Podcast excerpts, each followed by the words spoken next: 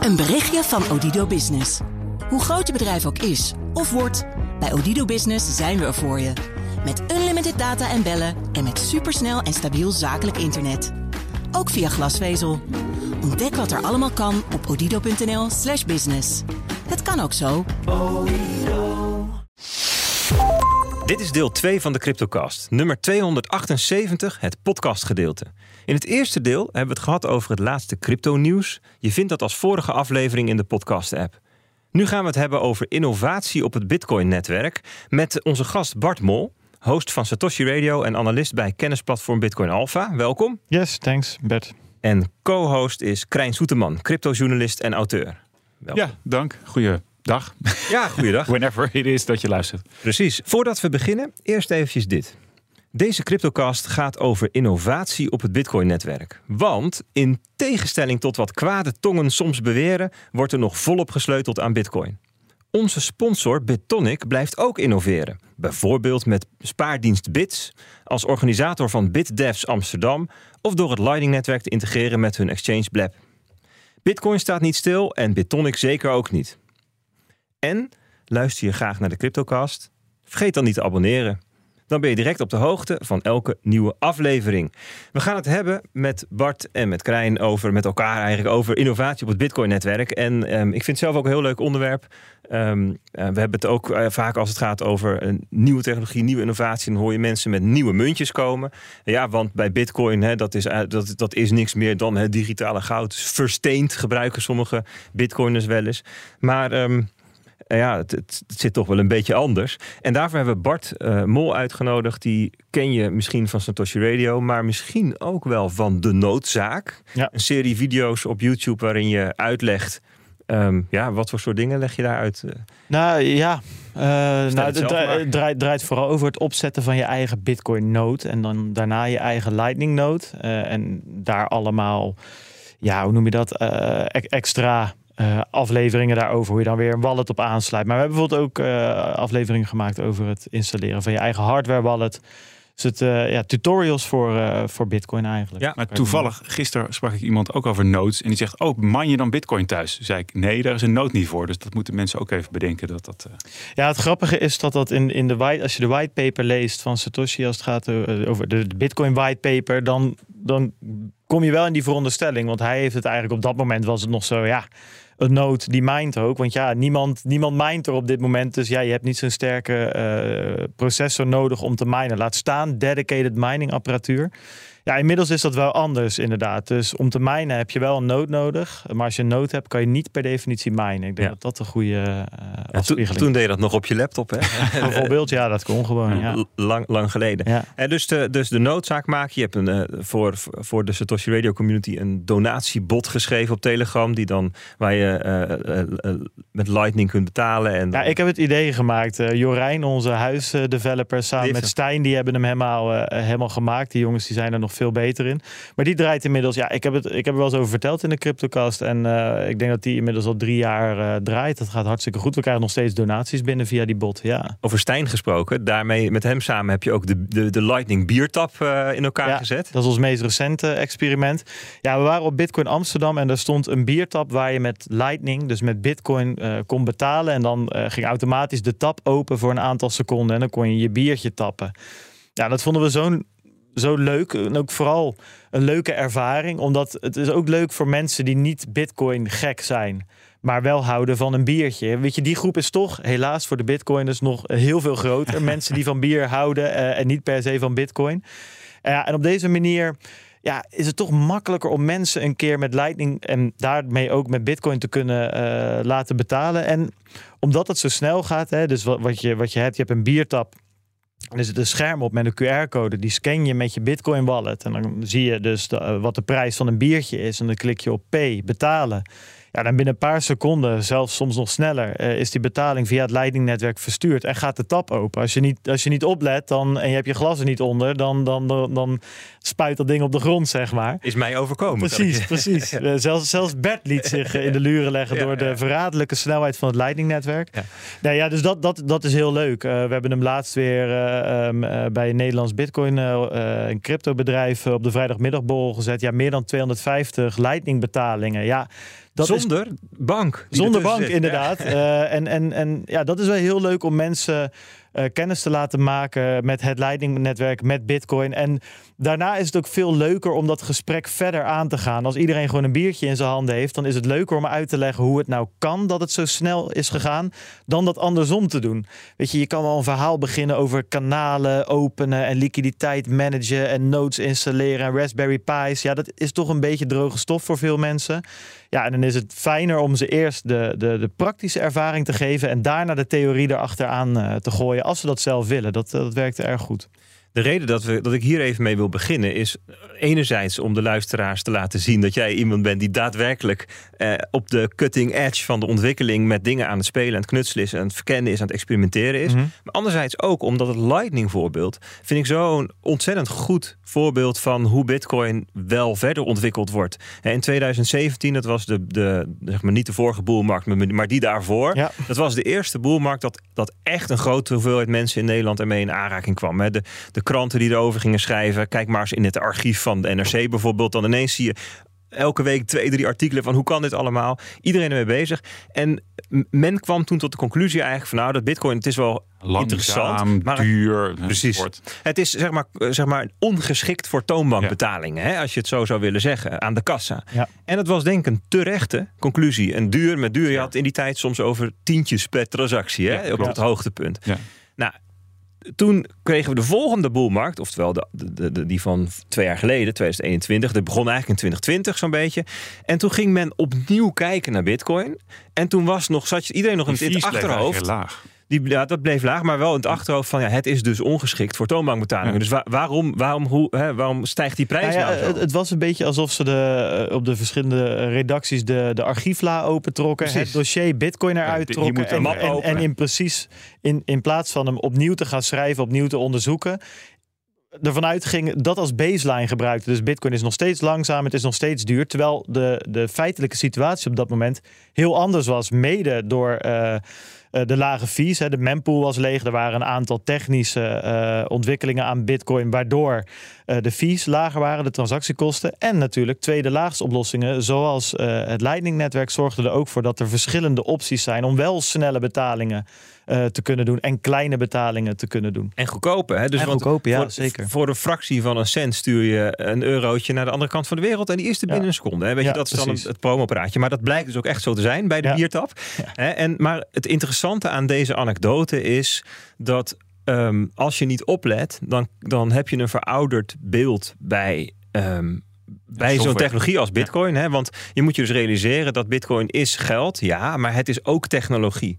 Hè? Dus het, het ehm, wordt elke keer een beetje beter. En dat gaat soms met een grote stap. Hè? Dan, dan een hele tijd is, er, is het er niet en dan ineens is het er wel. hè? Zo'n Lightning-netwerk bijvoorbeeld. En dat is dan even de vraag van vandaag, Bart. Ehm, hè, we we zeggen dan het is nog steeds een ontwikkeling, maar waar bouwt men dan nu aan? Ja, nou, ik wil één dingetje Misschien eraan- wil ik toch even één ding nog vragen. Nog- nog een Er dingetje. Er gebeurde, er nog iets. Ja, nee, Ja, al die dingen. Er gebeurde nog iets anders tijdens die eh, afgelopen boelmarkt. Niet alleen Bitcoin knalde heel erg omhoog. Heel veel andere dingen gebeurden ook. Ehm, namelijk iets met plaatjes op blockchains. Eh, crazy, eh, sorry, Bored Apes en wat, wat nog niet meer en, en, en, en al dat soort zaken. En dat waren NFT's op het voornamelijk het Ethereum-netwerk. En dat, dat Ether-netwerk werd dus extreem duur. Je moest soms honderden dollars betalen of euro's omgerekend om een, eh, om een plaatje te, te versturen of te kunnen maken. Dus het gekke was eigenlijk dat er eh, dat het Bitcoin-netwerk was dus eigenlijk heel goedkoop geworden, relatief gezien. De transactie met Lightning waren goedkoop en een ander netwerk werd dus extreem duur. En daar accepteerde men het wel, want het ging om kunst, tussen grote aanhalingstekens in veel gevallen. Ehm, nou ja, en daar ontstonden dus ook allemaal eh, nieuwe vormen van tokens. En dat gebeurde dus later ook, en daar gaan we het volgens mij nu over hebben. Het met de BRC20 token op Ja, het daar, gaan, Bitcoin we- daar gaan we het straks Ja. over hebben, Krijn. Mijn Oh. vraag is eerst aan Bart: hè, van wat, waar, eh, waar bouwt men op dit moment allemaal aan in het Bitcoin-ecosysteem? Ja, nou, eh, wat, wat Krijn zegt is interessant, denk ik. Want eh, je, je zegt ook, eh, dat werd geaccepteerd bij Ethereum. Ja, dat vraag ik me af. Want heel veel van die Ethereum-developers, met Vitalik voorop... Die, die hebben allemaal stukken geschreven in die periode. En nu nog steeds van, joh, dat moeten we niet hebben. Dat hele netwerk liep vast en de transacties worden te duur. En eigenlijk kijken ze daar ehm, in dezelfde richting als wat veel Bitcoin developers doen. Misschien kijken ze een beetje naar elkaar. Dat geven ze misschien niet altijd toe. Hè. Het is toch een beetje rivalis twee rivaliserende uh, developers. Goede bendes zou je kunnen zeggen. En ze kijken naar tweede laags oplossingen. Hè. Uh, bij, bij Ethereum wordt heel erg gekeken naar rollups uh, op dit moment. Een soort van blockchain in een blockchain of blockchain op een blockchain. bij Bitcoin is er nu heel veel gewerkt aan het Lightning-netwerk. Ja, dat werkt weer anders. Dat is geen roll-up. Dat is geen blockchain op een blockchain. Dat is echt een soort wat meer peer-to-peer netwerk zou je het wel kunnen zeggen. Waar verschillende Lightning nodes uh, met elkaar een administratie bijhouden van elkaar. Maar niet van alle andere nodes op dat netwerk. Hè. Het, uh, dus, dus, daar is het echt wel wat anders. Er wordt ook bij Bitcoin nog wel uh, gekeken. Want kijk, dat vind ik een interessante. Het is ook zo dat ik vind, kijk, we mogen best journalisten uh, verantwoordelijk houden als ze op een gegeven moment hun dossier niet bijwerken. Maar bitcoiners moeten zichzelf ook verantwoordelijk houden als we ons eigen dossier niet bijwerken. Want ik vind ook dat er vaak Lightning genoemd wordt als. Nou, dat, dat is de schalingsoplossing voor Bitcoin. Ja, en ik heb het veel gebruikt en uh, het is echt heel erg tof. Maar er zijn ook dingen die onhandig zijn. Wat ik net al zeg, uh, bij Lightning moet je kanalen naar elkaar openen om op Lightning te kunnen betalen. Um, het probleem daarmee is dat zo'n kanaal openen, dat is wel een echte Bitcoin-transactie. Dus op het moment dat het heel erg druk is in de mempool, op het moment dat Bitcoin-transacties heel erg duur zijn, is het heel erg duur om Lightning-kanalen te openen. Heel kort gezegd, op het moment dat je Lightning het hardst nodig hebt, is het het duurst om het te gebruiken. Om, of om het te onderhouden, laat ik het zo zeggen. Als je het hebt, dan is het geen probleem. Hè? Dat, uh... Als je het hebt, is het geen probleem. Behalve als je kanaal gesloten wordt op dat moment, wat ook nog vaak voorkomt. En dan betaal je ook weer uh, die hoge on-chain kosten. Dus je ziet veel mensen die zeggen, ja, ik vind dat te moeilijk. Ik vind dat te duur.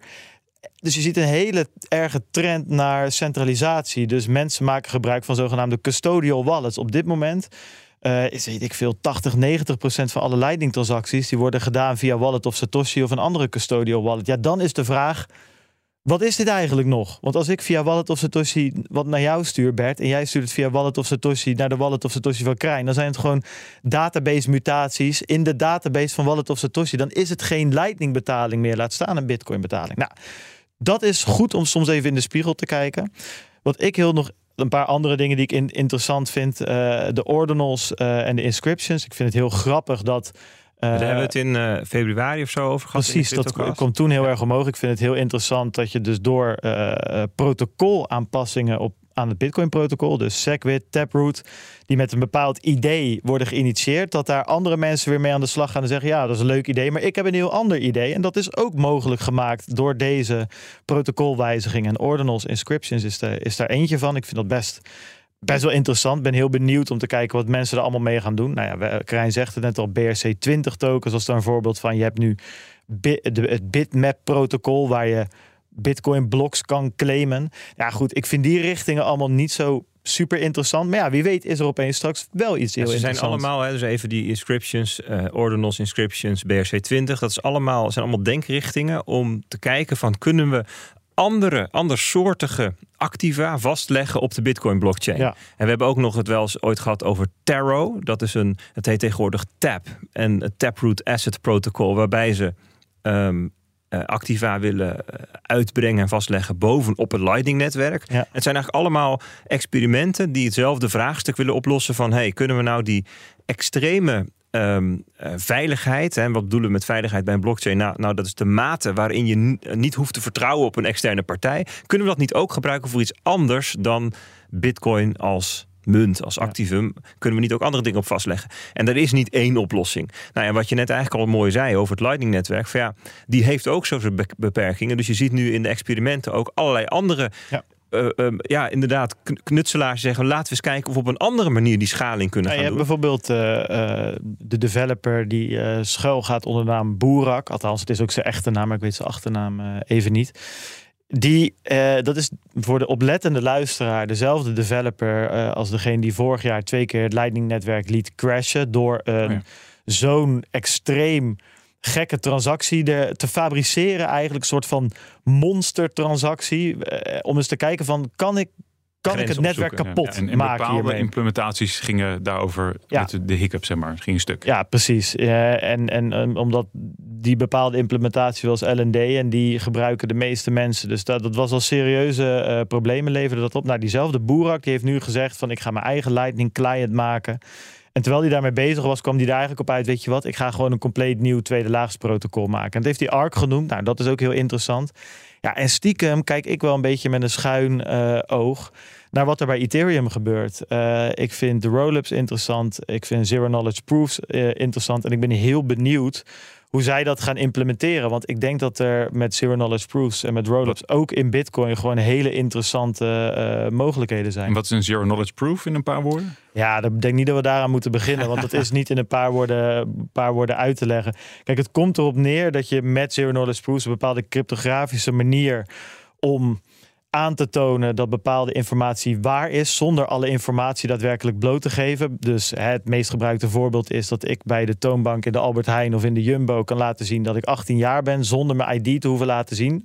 Dus ik hoef niet eens mijn, mijn, mijn uh, geboortedatum te laten zien, laten zien, laat staan mijn pasfoto en uh, mijn geslacht en whatever er nog allemaal op mijn uh, paspoort staat zij krijgen gewoon te zien, ja, hij is ouder dan 18, dus je mag een sigaret of drank verkopen. Ja, wat, wat, je ermee dus kunt doen, is een heel groot aantal transacties uitvoeren die niet in de blockchain terechtkomen. En daarvan alleen maar het bewijs dat ze daadwerkelijk dus geldig waren in de blockchain. Precies, en wat daar interessant aan is, je hoort het al, in plaats van dat je heel veel data laat zien, hoef je maar een heel klein beetje data te laten zien. Dus het is als databesparing is het heel interessant. Je zou dus meer transacties in een blok kunnen stoppen op die manier. Wat ook interessant is, dat het uh, bepaalde privacy implicaties heeft. En ik denk dat het ook nog wel heel belangrijk is voor Bitcoin om. Als in betere privacy. Ja, je, je, je, kan dus dingen verhullen of je hoeft niet alles te laten zien, maar je kan wel cryptografisch bewijzen dat iets waar is. Bijvoorbeeld dat jij een walletadres bezit of zo, iets in die richting. Nou, ik vind het wel heel interessant. Het is heel moeilijk. Het is ook maar de vraag of het allemaal lukt, maar ik vind het wel een super ambitieus pad wat ze daar bij Ethereum zijn ingeslagen. En ik heb zoiets van ja, dit ik, ik vind het ook altijd stom als bitcoiners het afwijzen, omdat het, het harder cryptografisch dan dit. Ja, wordt het niet. Wordt het niet, zeg maar. En als je terugkijkt op de oude uh, post van Hal Finney en van Satoshi, zeg maar echt de... de, de, de back. Precies, de, de echte bitcoiners tien jaar terug op Bitcoin Talks waren zij hier ook enthousiast over. En zeggen zij ook van ja, het zou wel cool zijn als dit ooit kan. Dus ja, ik kijk er wel uh, met meer dan een schuin oog, uh, kijk ik daarnaar. Ja, dus ik hoor eigenlijk in, je noemt nu een heel spectrum van allerlei soorten dingen. Um, er zit een gedeelte zit in de sfeer van hoe kunnen we het schaalbaarder maken, ja. zonder natuurlijk de veiligheid te verliezen. En een andere zit in de sfeer van hoe kunnen we er meer mee doen. Ja. Hè? Dus de, de, neem de BRC20 tokens en dergelijke. En die komen bij elkaar de afgelopen maanden kwamen die twee bij elkaar in het, op het punt dat er zoveel hype was rond die BRC20 tokens. Dat um, ja, de wachtrij van het Bitcoin-netwerk opliep en daardoor de transactiekosten opliepen. En, um, gezegd, om een transactie snel te kunnen doen, moest je, dan moest je wel geld betalen. Precies. En uh, om vooraan de wachtrij te staan, dan moest je, moest je dokken. En um, dus, dus, met andere woorden, we gingen spelen met andere mogelijkheden, waardoor heel erg duidelijk werd dat die schaalbaarheid een vraagstuk werd. Ja. Dus dat was wel een, een mooie samenvloeiing van die twee. Um, hoe, eh, leg, dat nog, leg dat eens uit, Bart. Hoe kwam dat? En ik, ik zou ook, hè, je, je, hebt een, een, keer een mooie Bitcoin Alpha geschreven over hoe de mempool werkt. Kun ja, dat hier dus... misschien is het goed om daarheen te gaan. Hè? Want we hebben in het radiodeel gezegd, we gaan het over tankstations hebben en tanken en benzine en benzineprijzen, noem maar op. Nou, misschien is het goed om daar eens even aan, um, aan gaan te beginnen. Want, want om dus te begrijpen waarom transacties op het Bitcoin-netwerk soms opeens heel duur worden of opeens heel lang duren uh, voordat ze bevestigd zijn, is het goed om te snappen hoe een transactie eruit ziet en hoe de mempool werkt. Um, kijk, bij transacties zijn uh, Bitcoin-transacties bestaan eigenlijk in de meest simpele vorm uit, uit twee variabelen. Uh, waar je naar kan kijken. Dus de verwerkingstijd van de transactie en de transactiefee. En die twee um, staan in eh, in verband met elkaar, om het zo maar te zeggen. Dus een hogere fee lijkt tot een kortere verwerkingstijd. Nou, en je raadt het al wel, een lagere fee leidt tot een langere verwerkingstijd. En dan, zodat we iets dieper op ingaan, dan kunnen we ook uitleggen waarom dat zo is.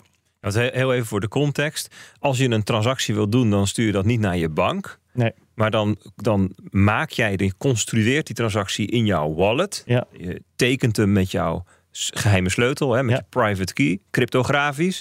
En dan verstuur je hem naar het Bitcoin-netwerk. Ja. En dan Precies, dan komt hij in de mempool. Daar komen we zo uh, op terug. Maar die transactie, hè, die, die je dus zelf maakt, die bestaat dus uit een aantal onderdelen. En een van die onderdelen is de transactiefee. En de transactiefee bereken je door de omvang van de transactie keer de fee rate te doen. Nou, dat klinkt al een beetje moeilijk. En daarvoor Hoe groter de transactie is, hoe duurder die wordt. ja, en dan even voor, voor de mensen thuis. Het is heel belangrijk. De omvang van de transactie is niet of je 1 bitcoin of 100.000 bitcoin verstuurt. Dat gaat om de omvang in bytes. Hè? En dus een transactie kan klein of groot zijn. En om dat even heel eh, toonbaar te maken. Vergelijk het met het betalen van 5 euro. Ik pak niet het tientje van je af, Bert. Die mag jij houden, het voorbeeld van het tientje. Ik pak 5 euro. Stel, ik ga met 5 euro betalen eh, in de supermarkt. Ja, wat kost meer werk om te tellen voor de cashier dan, eh, nou, laten we zeggen, ik geef een briefje van 5 euro, eh, vijf muntjes van een euro. Of 50 munten van 10 cent. Ja, waar is ze langer mee bezig? Ja, Ja. Dat, die 5 euro is zo geteld. Terwijl je met die 50 muntjes van 1 cent moet je stapeltjes maken, moet je schuiven. Iedereen kent het nog wel van vroeger. Nou, dat heb je hetzelfde bij een Bitcoin-transactie. Zo'n transactie kan heel, bestaan uit heel veel of heel weinig inputs. En hoe meer inputs er zijn, hoe groter die transactie in omvang is, in bytes dus. Terwijl het nog steeds kan gaan om een transactie van 0,0001 bitcoin. Precies. Dus dat is belangrijk. Dus je hebt de omvang in bytes en de fee rate in satoshis per byte. Ehm, laten we dit even makkelijker maken naar een voorbeeld dat er heel erg op lijkt en wat iedereen wel elke dag eh, meemaakt, of in ieder geval een aantal keer per week als je een auto hebt. Vergelijk het met tanken. We hebben dus, waar we bij Bitcoin de, de omvang in bytes hebben, hebben we hier de omvang van je tank in liters. Dus laten we zeggen dat je een tank hebt waar 50 liter in kan. Dan heb je de prijs per liter. Nou, dat is die fee rate hè, eh, die, je- die je beslist. Ja, vermenigvuldig ze met elkaar. En je hebt eigenlijk de transactiekosten, de totale prijs voor het volgooien van je tank. 50 eh, in dit geval. Dus de omvang van je tank keer de prijs per liter. 50 keer 2 euro is 100 eurotjes afrekenen en dan kan je verder. Precies. En dat is hetzelfde eh, bij Bitcoin. Ehm, waarom is het nou zo belangrijk, die omvang van die tank vooral, eh, en, en daarmee ook eh, de, de, de, de prijs per liter, is om, omdat de omvang van een blok vaststaat. Dus al die transacties waar we het over hebben, die een bepaalde omvang hebben, die moeten in een Bitcoin-blok terechtkomen. En de ruimte in zo'n blok is niet oneindig. Dus op een gegeven moment is dat vol. Dus eh, als er maar, en dat is heel belangrijk, als er dus maar genoeg transacties zijn, eh, op een gegeven moment is zo'n blok vol en zullen er mensen afvallen en moeten wachten op het volgende blok, of het volgende blok, of het volgende blok. Het kan ook dat het heel rustig is. Ja, dan maakt het niet uit. Dan is de omvang van zo'n blok geen bottleneck. En Dus als het heel druk is, dan zul je zien dat de wachtrij steeds langer wordt. ja, precies. En als het heel rustig is, dan, dan loopt hij Ja. weer in. En dit is dus ook de discussie die er in 2014 eh, was. Als je dat interessant vindt, dan moet je dat, dat maar teruglezen. Hierdoor is uiteindelijk Bitcoin Cash ontstaan. Want die hebben gezegd, ja, weet je wat wij doen? We maken die blokken gewoon groter, zodat er meer transacties in kunnen. Ja, dat is een hele grote discussie geweest. Logisch, Bart. Eh, Waarom is dat niet een goed idee dan? nou, dan kom je weer op andere punten uit. Kijk, hoe groter een blok wordt, dan wordt bijvoorbeeld eh, bandbreedte. Eh, int- internetbandbreedte weer een issue. Eh, processorkracht om die bloks te valideren. Dus waar het dan op neerkomt, is dat je niet meer op zo'n leuk klein Raspberry Pi'tje eh, een, een node kan runnen, maar Smartphone, daadwerkelijk servermateriaal nodig hebt, waardoor de decentralisatie weer in het gedrang komt. Nou, er is heel veel over te zeggen. Als je daar meer over wil wezen, zoek dan even Block Size War eh, op. Dat is een boek, maar ook heel veel artikelen die er toen de tijd over geschreven zijn. Dat is super interessant. Laten we teruggaan naar het voorbeeld van tanken. Want eh, we hebben nu uitgelegd hoe dat dan werkt. Zo'n transactie, hè, die hebben we dan vergeleken met een auto, met een tank daarin en, het, eh, en de prijs per liters. Ehm, maar die mempel moeten we nog uitleggen. Nou, dat doen we dus. stel je een tankstation voor in een klein dorpje in de provincie. Gewoon een leuk, pittoresk tankstation, weet je wel. Je, je, kent ze wel. Iedereen, als je ver buiten de, vanaf de snelweg gaat, langs de provinciale weg, gewoon een leuk tankstationnetje, mooi, eh, eh, mooi winkeltje erbij. En in dat tankstation zit één grote tank onder de grond die vol zit met benzine. Right? Hè? En deze tank die heeft een omvang van 5000 liter. En die tank die wordt elke 10 minuten, pak een beet, soms duurt het een kwartiertje, soms elke 5 minuten, komt er een grote tankwagen aan en die vult altijd die tank weer tot de nok. Dus elke 10 minuten, als de tank leeg is, of als die half leeg is, wordt die weer bijgevuld eh, tot de nok. Zit die helemaal vol, kunnen mensen weer tanken.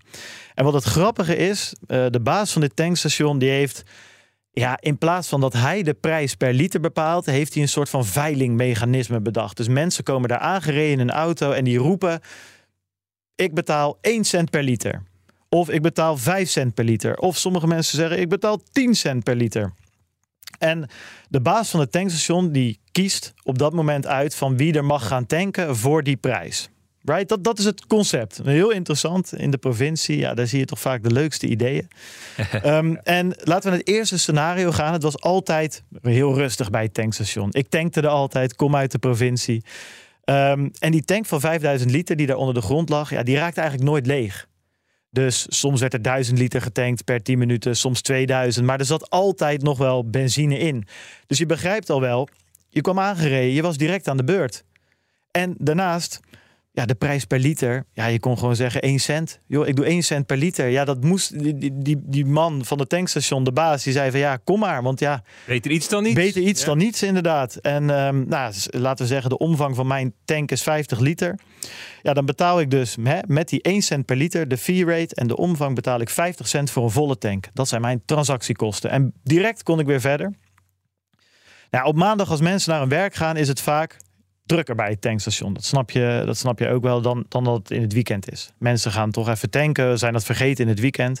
Ja, en dan komt het wel eens voor dat die tank van 5000 liter helemaal leeg gaat. Dus ja, dan staan er, als we het even berekenen, 100 auto's met een tank van 50 liter te wachten. Uh, of dat, die heb je nodig om hem leeg uh, te maken. Dus als er meer dan 100 auto's per 10 minuten uh, komen, ja, dan moeten er een aantal gaan wachten. En dan moet je 10 minuten wachten vaak totdat die tank weer bijgevuld is en dan kom je wel aan de beurt. Ja, ik persoonlijk, ik heb een hekel aan wachten. Dus wat deed ik? Ik zei gewoon, joh, kom aangereden. Ik zeg tegen die uh, baas van het benzinestation, pam, 10 cent per liter.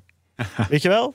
Overtoepen. Over, overtoepen. Nou, mijn tank is uh, 50 liter, nog steeds. 5 eurotjes zit mijn tank nog steeds vol. Kan ik direct door, hoef ik niet te wachten. Weet je, al die losers die staan te wachten met een 1 cent per liter. Daar reek ik gewoon voorbij.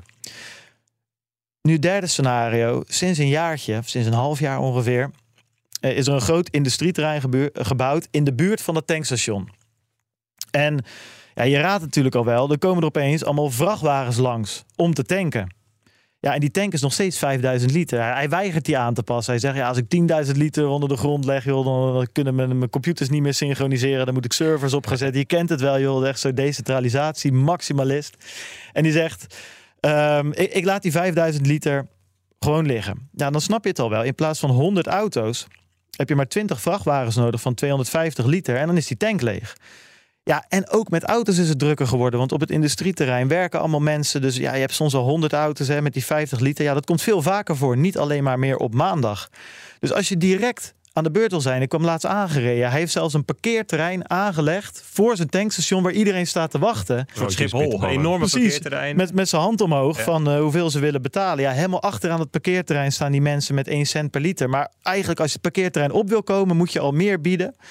Dus um, ja, goed, als je direct aan de beurt wil zijn, dan moet je wel 10 euro per liter betalen. Ja, en die vrachtwagens doen dat allemaal. Want ja, die zijn van die grote buitenlandse multinationals, die kunnen dat makkelijk betalen.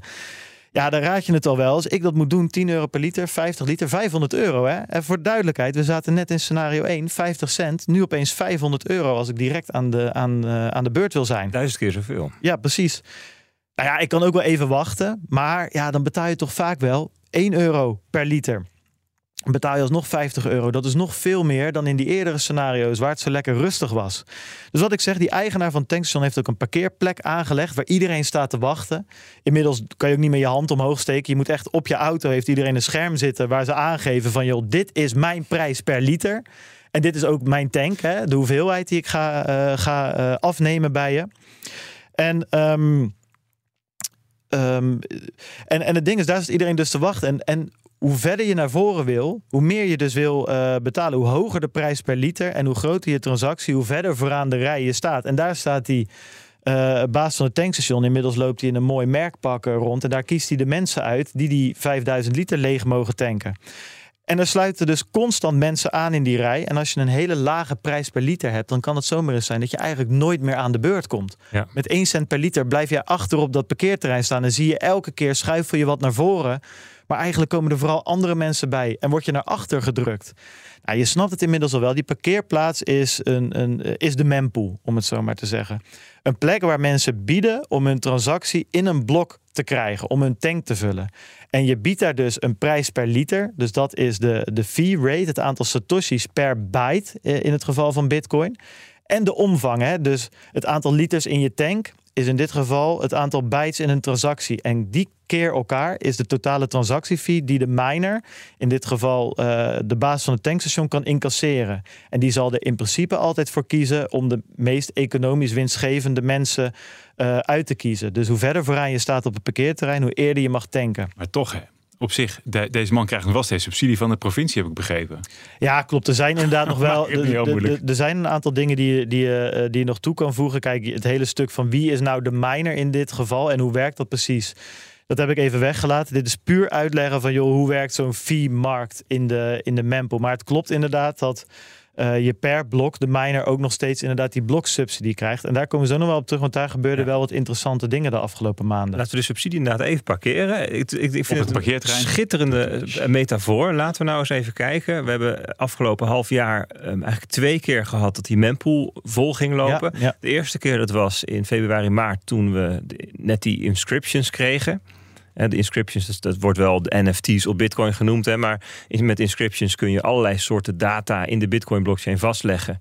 Um, waaronder natuurlijk apenplaatjes enzovoort. Ja, ja, ja. En, en in, ik geloof mei of zo, toen kregen we een tweede golf, of eind april.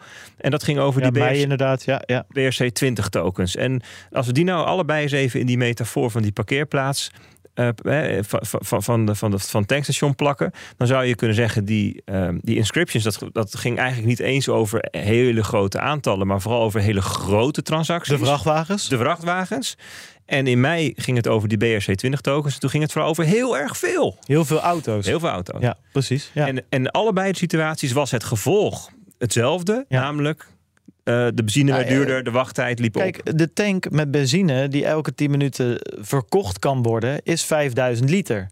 Ja, dat maakt niet uit of je die met 20 vrachtwagens met 250 liter leeg trekt of met 100 auto's uh, met 50 liter. Hij is leeg na 10 minuten. Hoe, hoe, uniek was deze situatie als je het naar de geschiedenis terugkijkt? Is nou, wel, wel uh, ik denk dat je kan zeggen dat hij uniek was. Dat betekent nog nooit eerder voorgekomen. Kijk, ik denk dat je wel een aantal ehm, eh, momenten uit kan zoeken.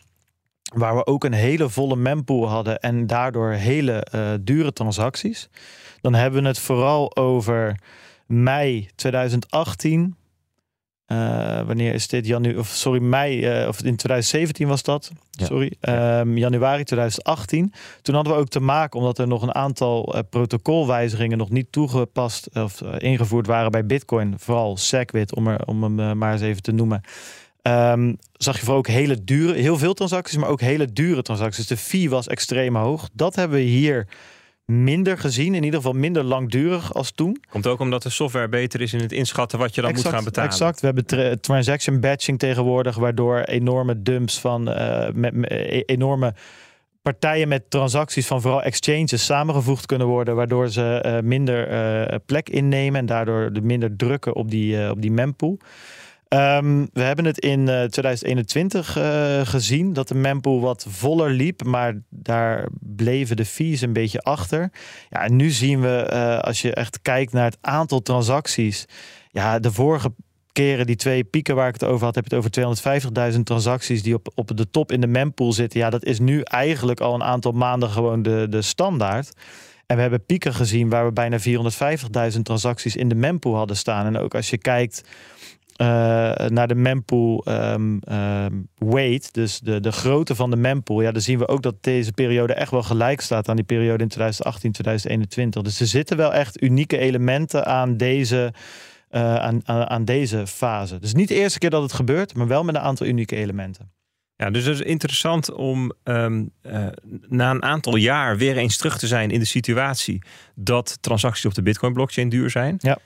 dat legt meteen de vraag op tafel van hoe gaan we dat dan oplossen? Wat moeten we daar mee? Hoe gaan we die schaalbaarheid dan doen? Wat dat betreft wel interessant dat je onder de critici altijd heen en weer wordt geslingerd tussen twee soorten kritiek. Namelijk één, Bitcoin. Um, Meer is, grotere blokken? Nou, Bitcoin is op lange termijn niet levensvatbaar, want er zijn niet genoeg transactieinkomsten. Ja. Versus Bitcoin is op lange termijn levensvatbaar, want, het, want het, uh, als het druk is, worden de transactiekosten. Uh, ontstaat de verstopping. Het is niet schaalbaar. En, en dat is eigenlijk bij alle ehm, blockchains een vraagstuk, omdat je nu eenmaal die decentralisatie en die veiligheid met elkaar op een of andere manier wil um, verenigen.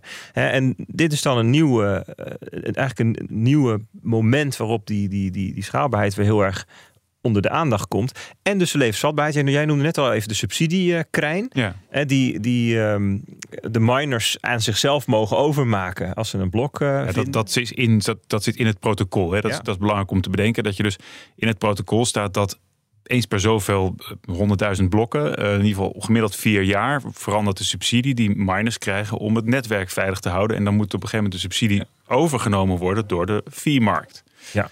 Ja. Want er zijn 21 miljoen bitcoin en die worden op deze manier in omloop gebracht. Ja. En elke 210.000 blokken, dat is 210, dat was het, ja. Ja, En dat is volgend jaar april, hè, geloof ik weer. En er komt dus een moment dat die inkomsten van die miners moeten komen uit transactiekosten. Ja. En we zagen, geloof ik, nu één dag al. Nou, wat wel heel interessant is, er zijn uh, voor, voor, de mensen die het leuk vinden om in allemaal analyses te duiken. Er is tegenwoordig heb je June.com van de ja, dezelfde naam als de science fiction uh, klassieker. De boeken en de films inmiddels en de serie, noem het maar op.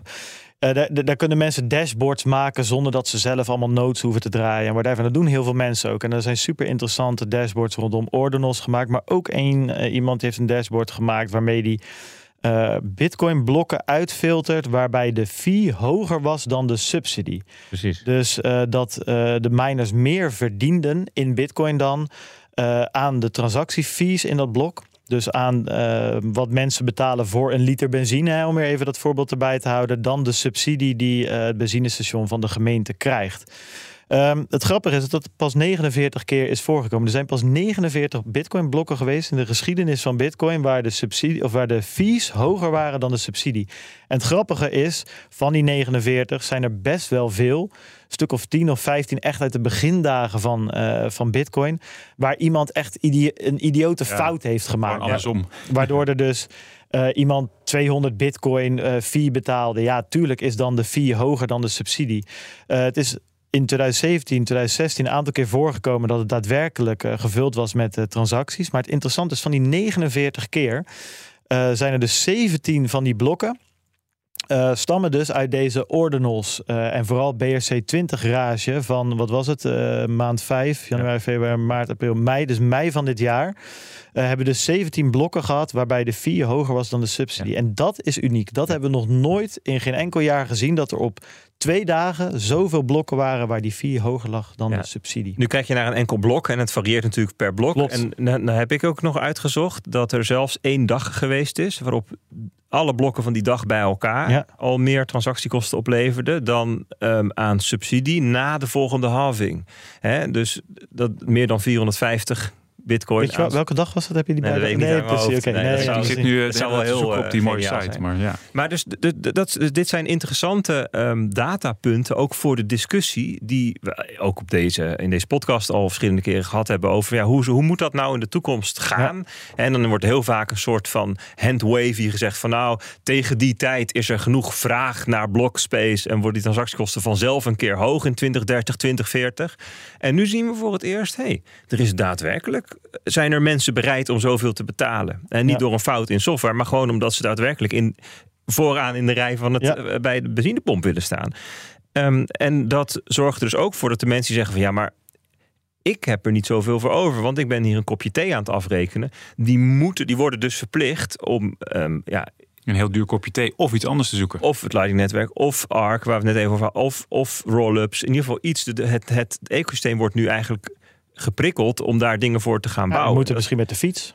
dat is interessant. En nu is er nog één ding. Ja. Voordat we naar BRC20 gaan, Ja, ja. nog één ding. En- dan je mag het even in het voorbeeld van je benzinepomp eh, gieten. Ehm, er is zoiets als ehm, het betalen van de miners voor het voortrekken van jouw transactie. Ja. Leg dat eens uit, Bart. Wat is daar aan de hand? Nou, zo, wel, Waarom is het nodig? Nou, kijk, wat dus zou kunnen, wat is ook wel gebeurd. eh, kijk, die, die, die drukte op het tankstation, die komt vaak toch een beetje onverwacht voor veel eh, mensen. Die zien ze niet direct aankomen. Dat kan heel snel gaan. Binnen een dag is het dan heel erg Uh, en, en wat een beetje het lullige van het tankstation is, als je eenmaal op het parkeerterrein staat met je auto, kan je er niet meer van af. Dus je hebt gezegd, ik wil 10 cent betalen. Precies, dan ga je tanken ook. Ja. ja. en ja, als dan iedereen elke keer maar meer blijft betalen en die prijs gaat maar omhoog en omhoog van de, uh, van de prijs per liter, ja, dan kan je zomaar eens twee weken op het parkeerterrein van het tankstation staan of drie weken. Inmiddels Um, uh, in het, uh, als we naar de echte mempool kijken, dan met de goedkoopste uh, transactiefee zou je al inmiddels twee maanden niet aan de beurt zijn gekomen. Dan sta je al twee maanden op het tankstation. Nou, er zijn mogelijkheden voor om dat te omzeilen. Je kan je fee tussentijds verhogen. Dus dat je dat bordje op je auto aanpast van... sorry, ik doe niet meer 1 cent per liter. Ik doe inmiddels ook 10 euro. Want ik wil gewoon van... Ik wil, nu. Ik wil tanken. Ja. Um, het probleem is dat om dat te doen, uh, ja, dan moet je wel precies het bordje op je auto hebben staan die dat technisch kan. En je moet het ook snappen. En voor heel veel mensen is dat toch te moeilijk om dat voor elkaar te krijgen. Dit heet bijvoorbeeld replace by fee. Dat is een bepaalde te techniek die je kan gebruiken om die fee te verhogen. Maar niet iedereen kan dat. Niet elke wallet ondersteunt dat. Voor veel mensen is dat toch uh, uh, best wel lastig. Nou, dat zagen verschillende partijen. Mempool.space, een grote block explorer bijvoorbeeld, die zag dat en die kondigde uh, een tijdje terug uh, op Bitcoin uh, Miami kondigden ze dat aan van joh, wij hebben een, een, een transaction accelerator gemaakt. Nou, hoe doen mm -hmm. ze dat? Zij kennen eigenlijk alle miners. Zij kennen dus in dit geval de baas van het tankstation. En je moet het een beetje zo zien. Ze lopen rond over, dat, over dat parkeerterrein op zoek naar mensen die uh, hun handje uit het raam hebben en zeggen van joh, ik wil toch wel snel aan de beurt zijn, maar ik snap niet helemaal hoe dat werkt. Dan kan je hun onderhands wat betalen. Dus op jouw autootje blijft staan van ik betaal 1 cent per liter, maar je geeft die, uh, die, die, die, die, die persoon die er rondloopt, die geeft je 50 euro. Die persoon gaat terug naar de baas van het tankstation en die zegt: Het auto met dat nummerbord, heeft mij net 50 euro extra betaald. Haal hem even via de zijkant naar voren. Zodat hij even via de zijkant uh, kan tanken. Weet je, haal hem ervan af en dan geef ik jou die 50 euro. En um, dat is wat die Mempool Accelerator dus doet. Die Transaction Accelerator. Wat je dus kan doen, is je kan een bericht aan hun sturen. Dan stuur je Transaction ID mee. Dan zeg je, ik wil nu wat extra aan jullie betalen. Zodat jullie direct naar de miner toe gaan met mijn Transaction ID. En tegen die miner zeggen van trek hem even uit de, uit de mempool. Ik zie het al voor me. Dan ga ik zeggen van ah, ik vind het zo'n lief autootje daar. Ik geef even 50 euro voor die, voor die auto. Dat kan dus ook, of niet? Kan ook. Je kan ook inderdaad andere auto's uh, uit, uit uh, de parkeerplek trekken om ze eerder aan de beurt te, te laten komen. Het grappige is, Mempool die kwam hiermee. Uh, je, de functionaliteit werkt nog niet bij hun. Binance heeft dat inmiddels al gekopieerd en bij hun werkt het al wel. En waarom is dat zo interessant bij Binance? Nou, Binance heeft een eigen mining pool. Ze hebben Binance Pool en dat is een van de grotere Bitcoin mining pools. Dus Binance mindt eens in de zoveel tijd wel een blok. Dus dan kunnen ze in dat blok daar mensen aan toevoegen die wat extra betaald hebben. Ja, het is heel interessant, want het is een soort van onderhandse markt die zich afspeelt. Ja, en dat heeft schaduwmarkt. Best, schaduwmarkt. En dat heeft best wel een implicatie. Als dit veel gebruikt gaat worden door mensen, dan is bijvoorbeeld uh, de, uh, het voorspellen van de transactiefee ja, niet meer accuraat, omdat er dus heel veel op de zwarte markt, even tussen aanhalingstekens, gebeurt. Op een markt die niet transparant is. Maar je kunt dit toch in principe nog steeds in de blockchain volgen, wat er gebeurt? Uh, ja, wel nee. achteraf. Alleen achteraf, niet voor. Ja, nee, want je ziet, heel, je ziet dus dat een. Je ziet gekke dingen. Daar kun je het aan herkennen. Dus je ziet dat een transactie met een veel te lage fee in een blok is opgenomen waar die eigenlijk niet in hoort te zitten. Ik stel nou hè, dat ik die uh, baas van tankstation betaal en zeg van ik wil um, heel graag per se voor die auto tanken. Ja. Kan ook dan. Want Precies. je kunt alles met elkaar afspreken. Ja. En dat is wat bij Ethereum al heel lang gebeurt. Daar, heb je, daar, daar, daar kan je best wat. Um, um, hoe zeg je dat? Benefit hebben. Best wel. Uh, voordeel. Voordeel hebben, ja. dat wordt zocht. Een voordeel hebben van een bepaalde volgorde. Een bepaalde ordening in het blok. Hè. Ja. Ik wil graag voor die ander. Want dan kan ik bijvoorbeeld arbitrage doen op een of in een specifiek blok terecht of in een specifiek blok komen omdat ik dat een tof blok vind en rond getal noem het maar op. Nou, om een voorbeeld te geven, je had bij de ICO's de initial coin offerings, uh, dan zeg maar transacties in een blok in een bepaald, vanaf een bepaald bloknummer kregen daadwerkelijk ook de tokens, tokens terug. Ja. En als je dan een blok te vroeg zat, kreeg je niks. Dus het was heel belangrijk. En als je een blok te laat was, dan waren alle tokens ja. alweer vergeven. Dus je wilde per se een heel specifiek ja. blok. En dan was het heel interessant geweest als je dan tegen die tankstation-eigenaar kan zeggen: joh, luister, zorg dat je mij precies naar voren haalt op het moment dat dat blok aanwezig is, uh, nou, en dat, aan de beurt is. Dit effect, hè, dus dat je de miners betaalt voor een bepaalde volgorde of voor een bepaald uh, blok of een bepaald iets, iets specifieks. Dat heet in eerste instantie miner extractable value. Nou, we hebben nu bij Ethereum geen miners meer, maar validators noemen het nu maximum extractable value, mm -hmm. MEV. En dat is dus het geheel aan waarde wat ont, onttrokken kan worden aan de deelnemers van het netwerk. Omdat miners die, die, die dat, dit mechanisme hebben waarin ze ja, onderhands deeltjes kunnen maken. Zie je dat bij Bitcoin nu dan ook gebeuren? Want dit wordt niet, laat ik zo zeggen, dit wordt door de Ethereum-gemeenschap ook gezien als een probleem, als een gevaar, als iets waar we iets mee moeten. Nou, kijk, het heeft natuurlijk bij Ethereum ook wat te maken met de uitdrukkingskracht van het protocol. Hè? Dus je kan op Ethereum alsnog veel meer dingen bouwen dan op Bitcoin. Dus op, ook met BRC20 tokens heeft het op dit moment niet zo, maakt niet zo gek veel uit in welke volgorde je in het blok komt. Wel vooral of je in een blok komt en met welke snelheid. Maar niet per se of je voor iemand zit op dit moment. Dat komt ook vooral, dat zag je vooral met decentrale exchanges, dat het heel belangrijk werd dat je bijvoorbeeld iemand kan frontrunnen, dat, dat soort dingen. En dat heb je bij Bitcoin nog niet. Uh, nog niet. uh, maar dit soort dingen zijn wel de eerste aanzetten daarna. En het is ook wel goed om daar, daarover na te denken. Ik denk dat het ook nog even interessant is om te kijken van, joh, want we zitten nu nog een beetje van, oké, dit is het begin, hè? Dat we hebben het over mei van dit jaar met die ordinals. Misschien denken de luisteraars ook wel van, ja, maar hoe zit het dan nu? En wat wel grappig is, dat we nu weer in een soort van unieke situatie zitten, namelijk dat de fees wel heel erg omlaag zijn gekomen. Dus je uh, een lagere literprijs, hè? Dus uh, in, in dit geval, op dit moment zit je voor 10 sat per v-byte, 10 cent per liter om het even te zeggen. Uh, kom je wel in een, in, in, redelijk snel in een blok. Um, maar daaronder dus niet. En dat komt omdat er dus een enorme stapel aan transacties met een uh, fee rate, met een literprijs onder die 10 sat per v-byte, die liggen te wachten op het parkeerterrein nog steeds. Dus dat parkeerterrein is eigenlijk al sinds nou, als ik even op de kaart zit te dus kijken. Alles, alles, boven de 300 megabyte, zeg maar. Dus van die hele gigabyte die nu de hele mempool is.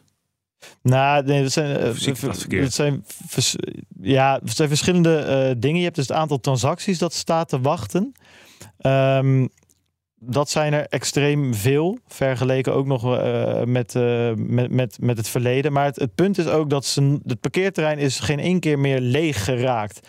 Hij staat dag en nacht, al maandenlang staat hij dus, staat hij dus vol. En inderdaad, um, wat je nu aangeeft, Krijn, is dat je dus ziet die, dat het, de, het, parkeerterrein heeft normaal gesproken plek voor 300 auto's. En op dit moment staan er wel duizend, hè, om het maar eventjes zo te zeggen. En um, dat loopt alleen maar op. En dat is wel, dat is wel iets unieks. Uh, dat, dat het al zo lange tijd het parkeerterrein gewoon helemaal niet leeg is geraakt. Dus die mempel die blijft maar vol staan. Dus het, het grappige is, je kan dus redelijk goedkoop naar uh, de voorkant van de rij komen. Dus door meer dan 10 sat per v te betalen, meer dan 10 cent per liter. Maar als je minder betaalt, sta je in één keer maandenlang in de rij. En dat is wel een hele interessante dynamiek die we al een tijdje, jaren niet gezien hebben eigenlijk. Ik zou heel graag van, uh, van want we hebben nu best wel ja, uitgebreid stilgestaan bij de, uh, de, de, problemen, de, de, dynamiek die we zien. Ook eens gaan kijken naar de innovatie. Hè, want zeker, daar ja, over ja, hebben. Dit, dit, dit, dit, we hebben al een aantal dingen wel genoemd natuurlijk. Maar die BRC20 tokens, nou daar is wel wat over gezegd. Het BRC20 is ook een woordspeling op ERC20, ja. de tokenstandaard bij Ethereum. En um, ja, laten we gewoon eens kijken. Waar, waar worden ze, wat is het? Waar wordt het voor gebruikt? We hebben, het, we hebben in de cryptokasten nog nooit inhoudelijk behandeld. Kun je eens een korte intro geven tot nou, BRC20? Kijk, we hebben dus uh, de ordinal theorie. Dat is dus een, een soort protocol uh, wat mogelijk gemaakt is op Bitcoin door Segwit en Taproot. Uh, waar het dus mogelijk is om satoshis te tellen, te ordenen eigenlijk. Um, daarbij kwam meteen ook het idee van inscriptions. Dus dat, dat je die geordende satoshis, dus dat je eigenaarschap kon toevoegen aan een specifieke satoshi. Dat je daar data aan kan hangen. Wat er meteen gebeurde met die inscriptions van, uh, is dat we er ja, vooral plaatjes aan gingen hangen in het begin. Dat was die eerste spike in fees in de mempool die we, die we zagen. Maar er werden toen ook al uh, ja, gifjes aangehangen, audiobestanden, videobestanden, maar ook al tekstbestanden. En dat varieerde van, eh, weet ik veel, Bert is stom, Ja. weet je wel. Of, die stond er heel leuk. vaak in. Precies, die stond tekst. Dat zorgde voor alle hoge fees. En, eh, maar goed, dus dat kan ook. Je kan daar ook ja, eh, tekst in hangen. Ja, en als je ergens tekst in kan hangen, dan kan je ergens ook datastructuren in hangen, programmeertaal in hangen. Dat, ik bedoel, programmeertaal is gewoon tekst uiteindelijk. Ja. in, in, in- als je het schrijft, en dat Maar, kan dan maar bij, bij, geïnterpreteerd worden. bij Ethereum, bij E ERC20, ERC20, is het een smart contract. Ja. Dat is het niet bij Bitcoin, hè? Nee, bij Bitcoin je kan dus data aan een SAT hangen. Ja. Dus eh, aan, een, aan een Satoshi hangen. En kijk, ja, uiteindelijk data kan de vorm aannemen Van software. Eh, eh, software is gewoon uiteindelijk ook gewoon tekst. En dat kan je ook eh, op die manier in een inscription hangen. En dat is een beetje waar die BSC20 tokens een heel klein babyachtig eerste stapje naartoe is. Dus wat er op een gegeven moment gedaan werd, is dat iemand zei van joh, ja, plaatje is allemaal leuk, videootje is allemaal leuk, gifjes. Misschien kunnen we het voor elkaar krijgen om een bepaald ehm, eh, protocol, token protocol in zo'n inscription te hangen. En dat is wat er met BSC20 gedaan is. Dus als je zo'n BSC20 token ziet, dan zie je ook een bepaalde datastructuur met een naam, eh, met de actie die er uitgevoerd moet worden. Eh, en eh, met het aantal tokens dat daarmee gemoeid is. Dat zijn eigenlijk een beetje de, de smaakjes die je hebt. Dus het uitgeven van de tokens, dat doe je door tekst in de blockchain op te nemen. Ja, precies. Het uitgeven van de token, of eigenlijk het aanmaken van de, van de tokens, het minten van de tokens eh, en het versturen van de tokens. Die drie functies heb je. Ja, en daar houdt het ook wel een beetje op. Dus het, het is best wel een grappig idee. Alleen de tokens zelf kan je dus. Ja, je kan dus- ze naar elkaar versturen. Dus daar kan je eigenlijk helemaal niks mee, om het zo maar even te zeggen. En het is ook niet dat daar dat je daar iets mee gaat kunnen in de toekomst. Want ja, dit protocol ligt een beetje vast op dit moment. Dus het is meer een eerste stapje van, joh, kunnen we eens kijken of we tokens uit kunnen geven op Bitcoin, zo zou je een beetje kunnen noemen. En- En werden er dan wel serieuze tokens eh, uitgegeven? Of was het Ja. allemaal nog spielerij? Vooral meme coins. Het, meme het, het, haakt ook heel mooi in op die meme coin rage die je ook op Ethereum en op, en Pepe. op andere blockchains zag. Die had je ook op Ja. het eh, BRC, als BRC20 token, inderdaad. Oké, dus het is, een, het is een aanzet, het is een experiment van zouden we tokens kunnen uitgeven eh, en, en overdragen Ja. aan elkaar. En wat die dan representeren, daar kunnen we het in de toekomst nog wel eens een beetje over hebben. Een beetje zoiets. Ik las ook dat de bedenker of de opsteller van het protocol zei van ik heb hem expres inefficiënt gemaakt, want ik ben er niet goed in. Andere mensen die moeten het maar beter maken. Ja, zeker. En die maker van het protocol zei ook, er zijn andere manieren eh, op dit moment die hier al beter voor geschikt zijn. Ook op Bitcoin, hè? bijvoorbeeld met Taro, dat soort dingen. Alleen ja, dit heeft op de een of andere manier eh, een beetje op de, op de golf van de inscriptions, ordinals inscriptions hype, opeens heel veel tractie gekregen. En dan zie je toch soms dat de massa niet hetgeen gaat gebruiken wat het beste is. Maar ja, Ze gingen toch weer Peppers gebruiken. ja, ze gingen toch eh, hiervoor, omdat er, ja, omdat er natuurlijk uiteindelijk geld mee te verdienen was. Dat is wat deze rage eh, ge- gedreven heeft. Maar wat bijvoorbeeld wel interessant is, je ziet dus nu dat je de zogenaamde bitmaps hebt, bitmaps. en dat zijn, ehm, ja, dus ook weer een, een, een protocol om data op een bepaalde manier eh, voor, ja, vorm te geven. Het komt er dus op neer dat je bitcoin blocks kan bezitten. Dus je kan een bitcoin blok eh, koppelen aan een Satoshi. Nou, dat kan natuurlijk niet echt, dames en heren, voor de duidelijkheid. Maar dat, dat, dat is hier het idee. Eh, dus je kan, en hoe dat er dan uitziet, dan heb je een inscription en daar zie je dus een bloknummer, bitmap. En als jij die eerste bent die hem inscribt, dan ben jij de eigenaar, ik maak Ja. even aanhalingstekens, van dat blok. Nou ja, goed, en daar kan je Ik dan... kan als- iedereen als- inscriben of niet? Ja, dat Ja, kan dat- iedereen ja. inscriben. Ja, zeker. Dat is het idee. Maar eh, als ik hem eerst inscribe en Bert daarna, dan kan ik zeggen, ik zeggen, ik ben eerder. Dus eh, Ja. nee, maar dat, dat, Ja, dat is idee. BSC20 Ja. ook op zich, Ja, dat is niet gek. Maar het is een beetje alsof je stukjes land op de maan verkoopt. Ja, dat is ook wat ze zeggen. Ja, precies. En dat is letterlijk ook wat ze zeggen. Want Oh. je kan dus een Bitcoin-blok, die, ziet- die kan je visualiseren. En die zien er allemaal visueel anders uit. Dus dan heb je alweer een beetje die kunstinvalshoek. Of je zou kunnen zeggen, ik gebruik deze visualisatie voor het inrichten van mijn land in de me- metaverse. Nou, alle hype-woorden kwamen alweer naar voren. Maar zo zie je dat dit weer een iets andere manier is dan BRC20. Maar heel duidelijk zijn inspiratie weer uit BRC20 heeft gehaald. Wat bedoel ik hiermee? Dat het zomaar zou kunnen dat een iteratie verder, of nog verder, of nog een iteratie verder, dat er dan wel opeens iets nuttigs uitkomt Ja. waarvan we denken: hé, hey, ja, misschien is dat wel erg grappig, wel erg geinig. Nou, ik wil heel even noemen nog BRC30. Dat Ja. was dan een soort van standaardje om iets met staking te gaan doen. En ik zag ook al dat de eerste stablecoin als BRC20 token er was. Nou, gaan we verder inhoudelijk niet over hebben. Waar ik wel benieuwd naar ben, is dat al dit soort experimenten um, zorgden voor best wel wat ophef in de Bitcoin-gemeenschap. Waarbij um, groepen tegenover elkaar kwamen te staan, qua mening dan, hè, qua uh, duiding, die normaal um, uh, heel erg in hetzelfde uh, hokje zitten. Ja, of, of nooit in dezelfde arena mogelijk staan. Ja. De Taproot Wizards moet ik even aan denken. Ja, hè? Met die, die op Bitcoin Miami het podium opkwamen in een soort van de, ja. uh, tovenaarspak en naar een Fortnite dansje gingen doen. Dat zijn natuurlijk memes die best wel sommige mensen door merg en been gingen. Hoe, leg eens uit, hoe, wat, wat, wat gebeurt daar? Hoe, wat, hoe zie jij dat?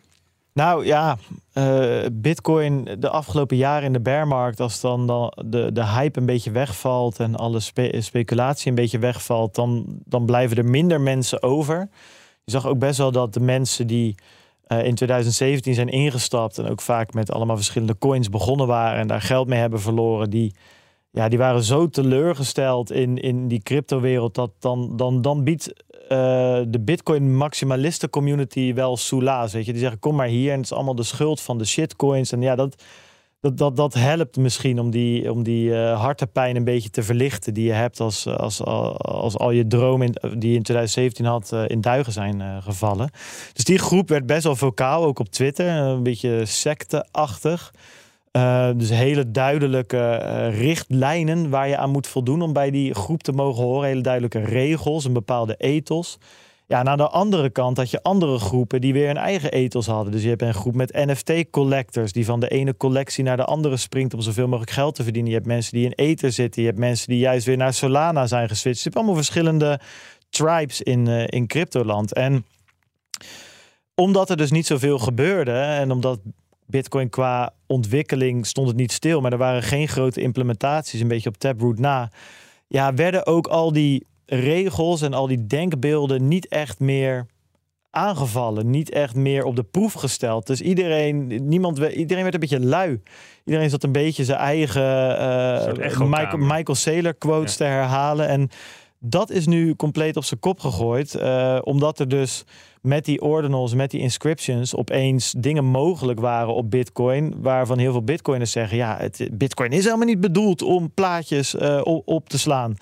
Waar opeens andere bitcoiners zullen zeggen: Ja, ik ben het er ook niet mee eens. Ik vind het ook niet relaxed. Maar iedereen mag doen wat hij wil op Zolang bitcoin. en de regels houdt. Precies. Hè? En dan komen er opeens allemaal discussies. Nou, en dan heb je opeens die NFT-groep, die normaal gesproken nooit, en dat is wat ik net bedoelde, oog in oog komt te staan met bitcoiners die nu opeens NFT's gaan verhandelen op Bitcoin. Dus die opeens geïnteresseerd raken in, in hoe dat werkt. Ja, daarvoor wilden ze er niks van weten. Ja, Ether, stom. Nee, ja. precies. Dus, die, uh, dus die, die komen er. Um, ja, maar dit zijn mensen die van Ethereum NFT's naar Bitcoin komen. Dat is gewoon een groep oh. die normaal gesproken helemaal niet.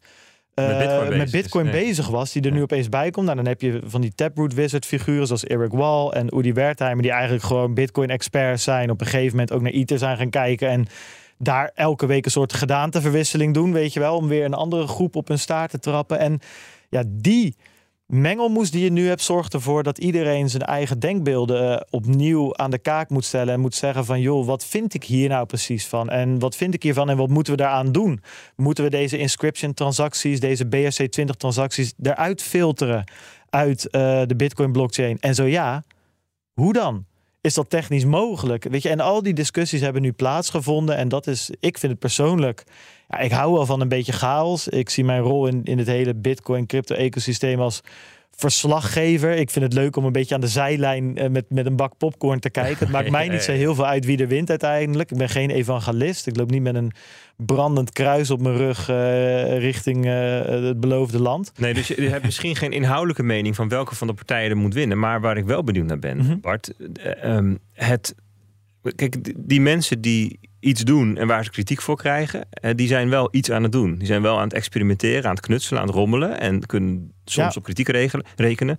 Vind jij dat dat nuttig is, waardevol, nodig is, dat geëxperimenteer? Ja, ik vind het persoonlijk. Ik ben zelf ook een knutselaar. Dus ik, ik vind het heel leuk. Uh, ik denk dat je door te knutselen, door, ja, ik vind dat de, Ameri of de Engelsen. Er zijn mensen die zeggen, joh, dat, moet, dat, moet, dat moet je niet doen. Dat nee, zeker. En kijk, daar, daar, daar kom ik op hoor. Die, kijk, ik vind het Engelse woord tinkering inderdaad daar een stuk mooier voor. Dat klinkt bijna een beetje. Uh, to tovenaarsachtig, weet je wel. Bricolage, en, zegt ja, Nassim nou, dat, dat, dat, is nog mooier. ja, ja en, en ik vind dat leuk. En ik denk dat je door dingen te doen, um, kom je op dingen, kom je achter dingen, snap je hoe dingen werken. En door niks te doen, uh, kom je er niet op. Aan de andere kant, ja, kijk, door te knutselen maak je soms ook dingen kapot per ongeluk. Mm -hmm. En soms uh, zijn dingen te belangrijk om kapot te maken. Dat is precies de reden waarom ons, al onze banken nog steeds op systemen uit 1980 dra draaien. Omdat ze willen het wel aanpassen, maar op het moment dat het kapot gaat, ja, uh, dan, werkt, dan kunnen we niet meer betalen. Het is te belangrijk om kapot te gaan. En wat dat betreft snap ik de insteek van veel bitcoiners wel. Van ja, Bitcoin is, is de kans op decentraal geld. De kans op autonomie. De kans op, op open source geld. Nou, noem hem op. Dit, dit is het internetmoment ja. van geld. Dat mogen we niet verkwisten door daar een beetje uh, met een tovenaarspakje en een tovenaarsmuts op je kop een beetje mee, mee, te, gaan klootzakken en een beetje te gaan trollen. En op zich kan ik me daar wel iets bij voorstellen, omdat inderdaad de insteek van die Taproot Wizards bijvoorbeeld soms inderdaad wel een beetje tegen het trollerige, uh, niet pesterige, maar plagerige aan is. Aan de andere kant denk ik wel dat heel veel van de dingen die ze aanstippen, down the line, over een jaar of tien, daadwerkelijk voor problemen gaan zorgen. Dus we zullen moeten veranderen als Bitcoin, om maar eens wat te noemen. Als die fees niet omhoog gaat en over tien jaar zijn de bloksubsidies omlaag, dan valt het veiligheidsbudget van Bitcoin weg. Om maar eens wat, uh, uh, uh, om maar eens wat te noemen. Um, dus als we willen dat er dan nog steeds beveiligingsbudget is, moeten de fees omhoog. Dus moeten er meer transacties zijn. Dat betekent dat er meer use cases moeten zijn. Dus er moet iets aangepast worden. Op het moment dat er veel transacties zijn, dan zullen er tweede lagen moeten zijn. Op het moment dat meer mensen het gaan gebruiken, dan zal er betere privacy moeten zijn. Dus dat is het tegenargument tegen veel Bitcoin-maximalisten. Ja, nu werkt het allemaal nog wel, maar je ligt aan de subsidieslang bij oma Satoshi, om het zo maar te zeggen. Ja, je, ik ja, bedoel, het ja. werkt op dit moment. Er wordt wel gezegd, ook Michael Saylor van, die zegt dan: het is het hardste geld ooit en het werkt zo fantastisch. Ja, door de subsidie werkt het op dit moment fantastisch. Ja. Dus daar moeten we toch iets mee. En ik neig dan uiteindelijk wel naar de kant van we zullen moeten veranderen en daar zullen we nu al mee moeten beginnen door te knutselen. Dus de, je moet af van de subsidie. Je moet die schaalbaarheid veel hoger hebben om 8 miljard mensen aan te kunnen. Je zult de gebruiksvriendelijkheid omhoog moeten hebben. Daar zul je dingen voor moeten verzinnen. Je moet iets met privacy. Ja. En dat zijn allemaal vraagstukken die zichzelf niet oplossen. Nee. Dus moet je knutselaars hebben. Hoe, hoe kijk jij ernaar, eh, Krijn? Wat is jouw... eh, Ja, daar kan ik het alleen maar mee eens zijn. Ik, uiteindelijk ben ik er zelf ook ooit mee begonnen door te rotzooien en te knutselen en er niks van te snappen en te leren. En uiteindelijk, de eerste reactie toch met dit soort veranderingen bij mij is dan, zoals veel ja, mensen een beetje in de houding van ja, wil ik dit nou eigenlijk wel? Maar eigenlijk blijkt elke keer dat het zich dan toch ook weer ergens oplost. En als je dat vertrouwen een beetje blijft houden, dan denk ik dat het een mooie, interessante toekomst kan blijven worden. Cool. Als afsluiting ben ik benieuwd. Ga ik aan jullie allebei vragen. Als we nou over een paar jaar weer een boelmarkt hebben. Als, hè? Stel. En er zijn mensen die dan hun dossier weer uit de kast halen. Bart, eh, dus als je net zei, hem openklappen en dan kijken naar bitcoin. Wat is nou het opvallendste wat er dan niet meer klopt in het dossier? Wat is er straks veranderd aan bitcoin als technologie, als munt, als iets wat mensen gebruiken, waarvan je zegt van ja, maar daar zouden we wel eens een hele grote stap kunnen maken. Vergelijkbaar bijvoorbeeld met Lightning netwerk. Als je nu kijkt naar wat er nu, eh, ja, ik praat de tijd even vol, jullie Ja, even kunnen. Ja, ja, kijk, ik, wat ik heel mooi zou vinden en eh, wat ik denk, wat ook wel ben, ja, nodig is eigenlijk, eh, maar ik weet niet of het gaat gebeuren. Dat zijn wel twee verschillende dingen, want het is denk ik best wel moeilijk. Eh, maar ik zou het wel heel mooi vinden als we dus een, een tweede laag hebben, een Lightning of een verbeterde variant van Lightning of een ander soort, soortig tweede laag, die, die het toch mogelijk maakt om eh, meer decentraal en privacyvriendelijk te werk te, gaan. Dus eh, je ziet nu dat Lightning is echt een fantastisch protocol. Ik denk voor heel veel dingen ook een hele mooie oplossing. Ehm, maar het, het, het, het, de game theory van Lightning, de speltheorie, zorgt er wel voor dat, dat, dat, eh, dat centralisering best wel plaatsvindt. Het, het, ja, het duwt heel erg naar centrale grote hubs met veel geld. En nou, die zijn ook weer makkelijk te reguleren of te, te laten voldoen aan wetgeving. Dus dat gaat een kant op waarvan ik denk: oké, dat kan nog steeds best interessant zijn. Maar het zou me mooi lijken als er ook een tweede laag is die echt die, die, die kerneigenschappen van Bitcoin meer vangt en meer, eh, meer beschermt. Oké, cool. En dan als je, eh, stel de luisteraar zegt, wil ik wel even wat verder onderzoek naar doen. Dan denk ik, je had Ja, zero, zero knowledge proofs, ARC, rollups, dat soort dingen. zou Fedi- ik Fediment misschien. Ja, zou ik ook naar kijken als dat meer een custody oplossing. Maar ook, ja, nou zeker. Ja, Zeker voor ja, decentraal. ja, en ja. ook- Oké, cool. Krijn. En die zero knowledge proofs, dat, dat is toch wel ja, echt wel een van de interessantste dingen. Maar je vroeg toch eigenlijk van wat trekken ze uit de lade de volgende keer als Nee, negatief als- ding? Ja, volgende, nee, nee, zeker niet. Oh, nee, volgende sorry, dat keer, bedoel je niet. Volgende keer pakken ze het dossier van Bitcoin. Ja. Wat ze nog weten van Ja, dat bedoel ik. 2021. Ja, het is, En dan eh, het wat- is sneller geworden. En wat daarin is, is achterhaalde, op dit moment achterhaalde informatie. Zoals vorige keer de traagheid achterhaald bleek, Ja. omdat we inmiddels Lightning hebben. Welke innovatie komt tot leven Ja. de komende jaren? Ik hoop dat, eh, dat op het gebied van mining, dat, dat Bitcoin eigenlijk bewijst dat het juist extreem gezorgd heeft voor eh, vergroening van energie. eh, ja, gebruik. In plaats van het is vervuilend en de oceanen gaan En, koken. en ik hoor nog steeds mooi. iedereen praten over van waar slaan we de energie op? Nou, we willen allemaal enorme batterijen. We zien aan alle kanten dat we in Europa niet eens batterijen willen, willen dus maken, omdat we dan onze grond om moeten woelen. Ehm, dus er moeten andere dingen gaan verzonnen worden om een surplus van energie te gebruiken. Ja, en daar zit Bitcoin toch wel eh, een goede plek. Als je daar meer over wil, overigens, luister dan even de vorige aflevering van de CryptoCast. Vorige week hadden we Danny Oosterveer te Ja. gast, die hier uitgebreid over verteld heeft. Over ehm, de snelheid waarmee dit verandert. Hè, waarin, eh, wat Krijn eigenlijk zegt, nu aan het gebeuren is. Dus het zou, dit, ik vind het wel een, eh, een sterke. Het zou maar zo eens eentje kunnen zijn. Dat als we over anderhalf jaar naar Bitcoin kijken, zeggen van, joh. Hey, dat, dat is wel echt helemaal omgekeerd. Interessant. Bedankt, eh eh, eh, heren. Ik vond het een leuk Ja, zeker. gesprek. Ja. Veel leuk om even zo bijgepraat te worden over wat daar nu En een goede nieuwe metafoor erbij. ja, ja, precies. En, en ze zeggen altijd bear markets are for building. Hè? Dus in de, in de berenmarkt wordt er gebouwd. Nou, we hebben vandaag denk ik best wel een aantal dingen eh, gehoord waaraan dan gebouwd wordt. Ehm, dus dat is eh, prettig om zo eventjes een kijkje, eigenlijk een kijkje achter de schermen van Bitcoin te krijgen.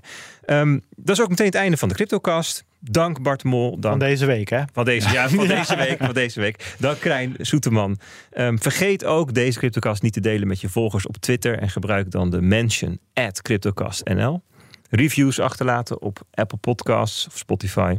Ehm, dat zorgt ervoor dat anderen hem makkelijker vinden. Komt hij in de toplijstjes en zo. Op YouTube even liken, subscriben en commenten. En dan, eh, ja, dan, dat was het dan. Ja. Tot volgende week. Cryptocast wordt mede mogelijk gemaakt door BitTonic. Al tien jaar lang de Bitcoin-autoriteit van Nederland. Een berichtje van Odido Business. Hoe groot je bedrijf ook is of wordt, bij Odido Business zijn we er voor je. Met unlimited data en bellen en met supersnel en stabiel zakelijk internet. Ook via glasvezel. Ontdek wat er allemaal kan op odido.nl/business. Het kan ook zo.